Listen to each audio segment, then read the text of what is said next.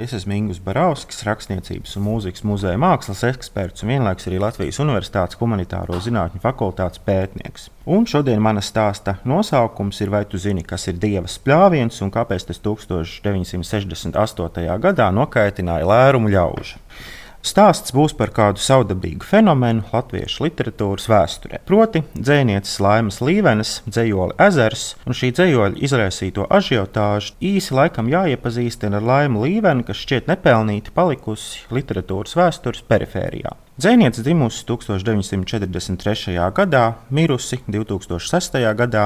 Viņai iznākuši astoņi dzējoļu krājumi, rakstījusi arī dzēju bērniem, atzējojusi no krievu valodas. Literatūrā ar tā laika jauno dzinieku lielākās patroneses Mirza Čempas palīdzību ienākusi 20. gadsimta 60. gados. Kaut gan ir grūti vienā vai divos teikumos raksturot līmenes daļradi, tomēr mēģinot. Līmenes dzeja atklāja sievietes pasauli, urbāno vidi, pilsētu, arī neiederības sajūtu pilsētā, meklējums pēc stabilitātes, dabiskuma un siltuma, reizēm atrodot to visai paradoxālos fenomenos. Stāsta ģenealoģija ir tāda, ka 1968. gada 15. oktobrī laikrakstā Padomu jaunatni tiek publicēts Laimas Līvenes dzējolis Ezers. Lai jums būtu skaidrs, par ko ir runa, nolasīšu šo īso dzējoli. Ezers guļ ielā, kā dieva spļāviens, niedras apkārt šūpojas, lokaniem stāviem, gulbi pāri aizlido un meža zosis.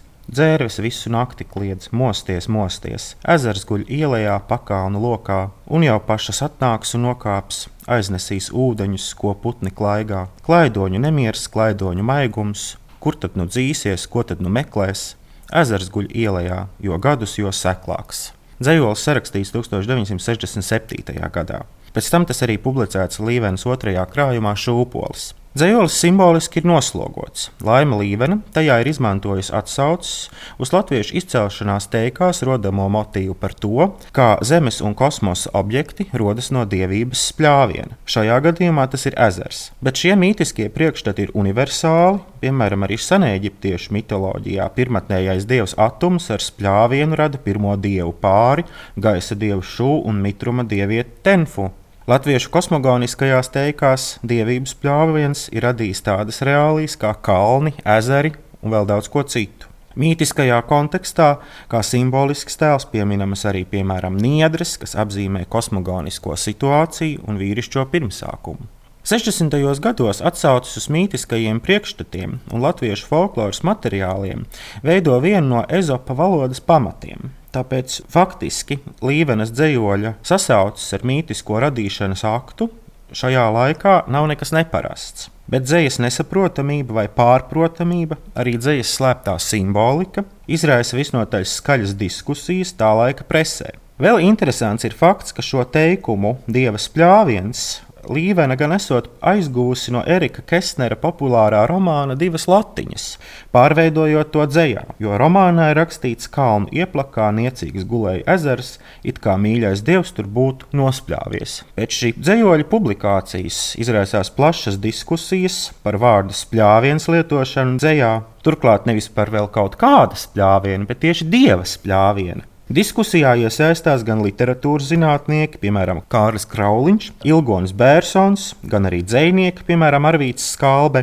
bet visvairāk aktivizējas tāds padomju laika fenomens kā darba ļaužu un lasītāju vēstules, kur līvenai pat tiek ieteikts labāk apskatīt Latvijas ezerus, jo tad viņai nerakstīsies muļķības.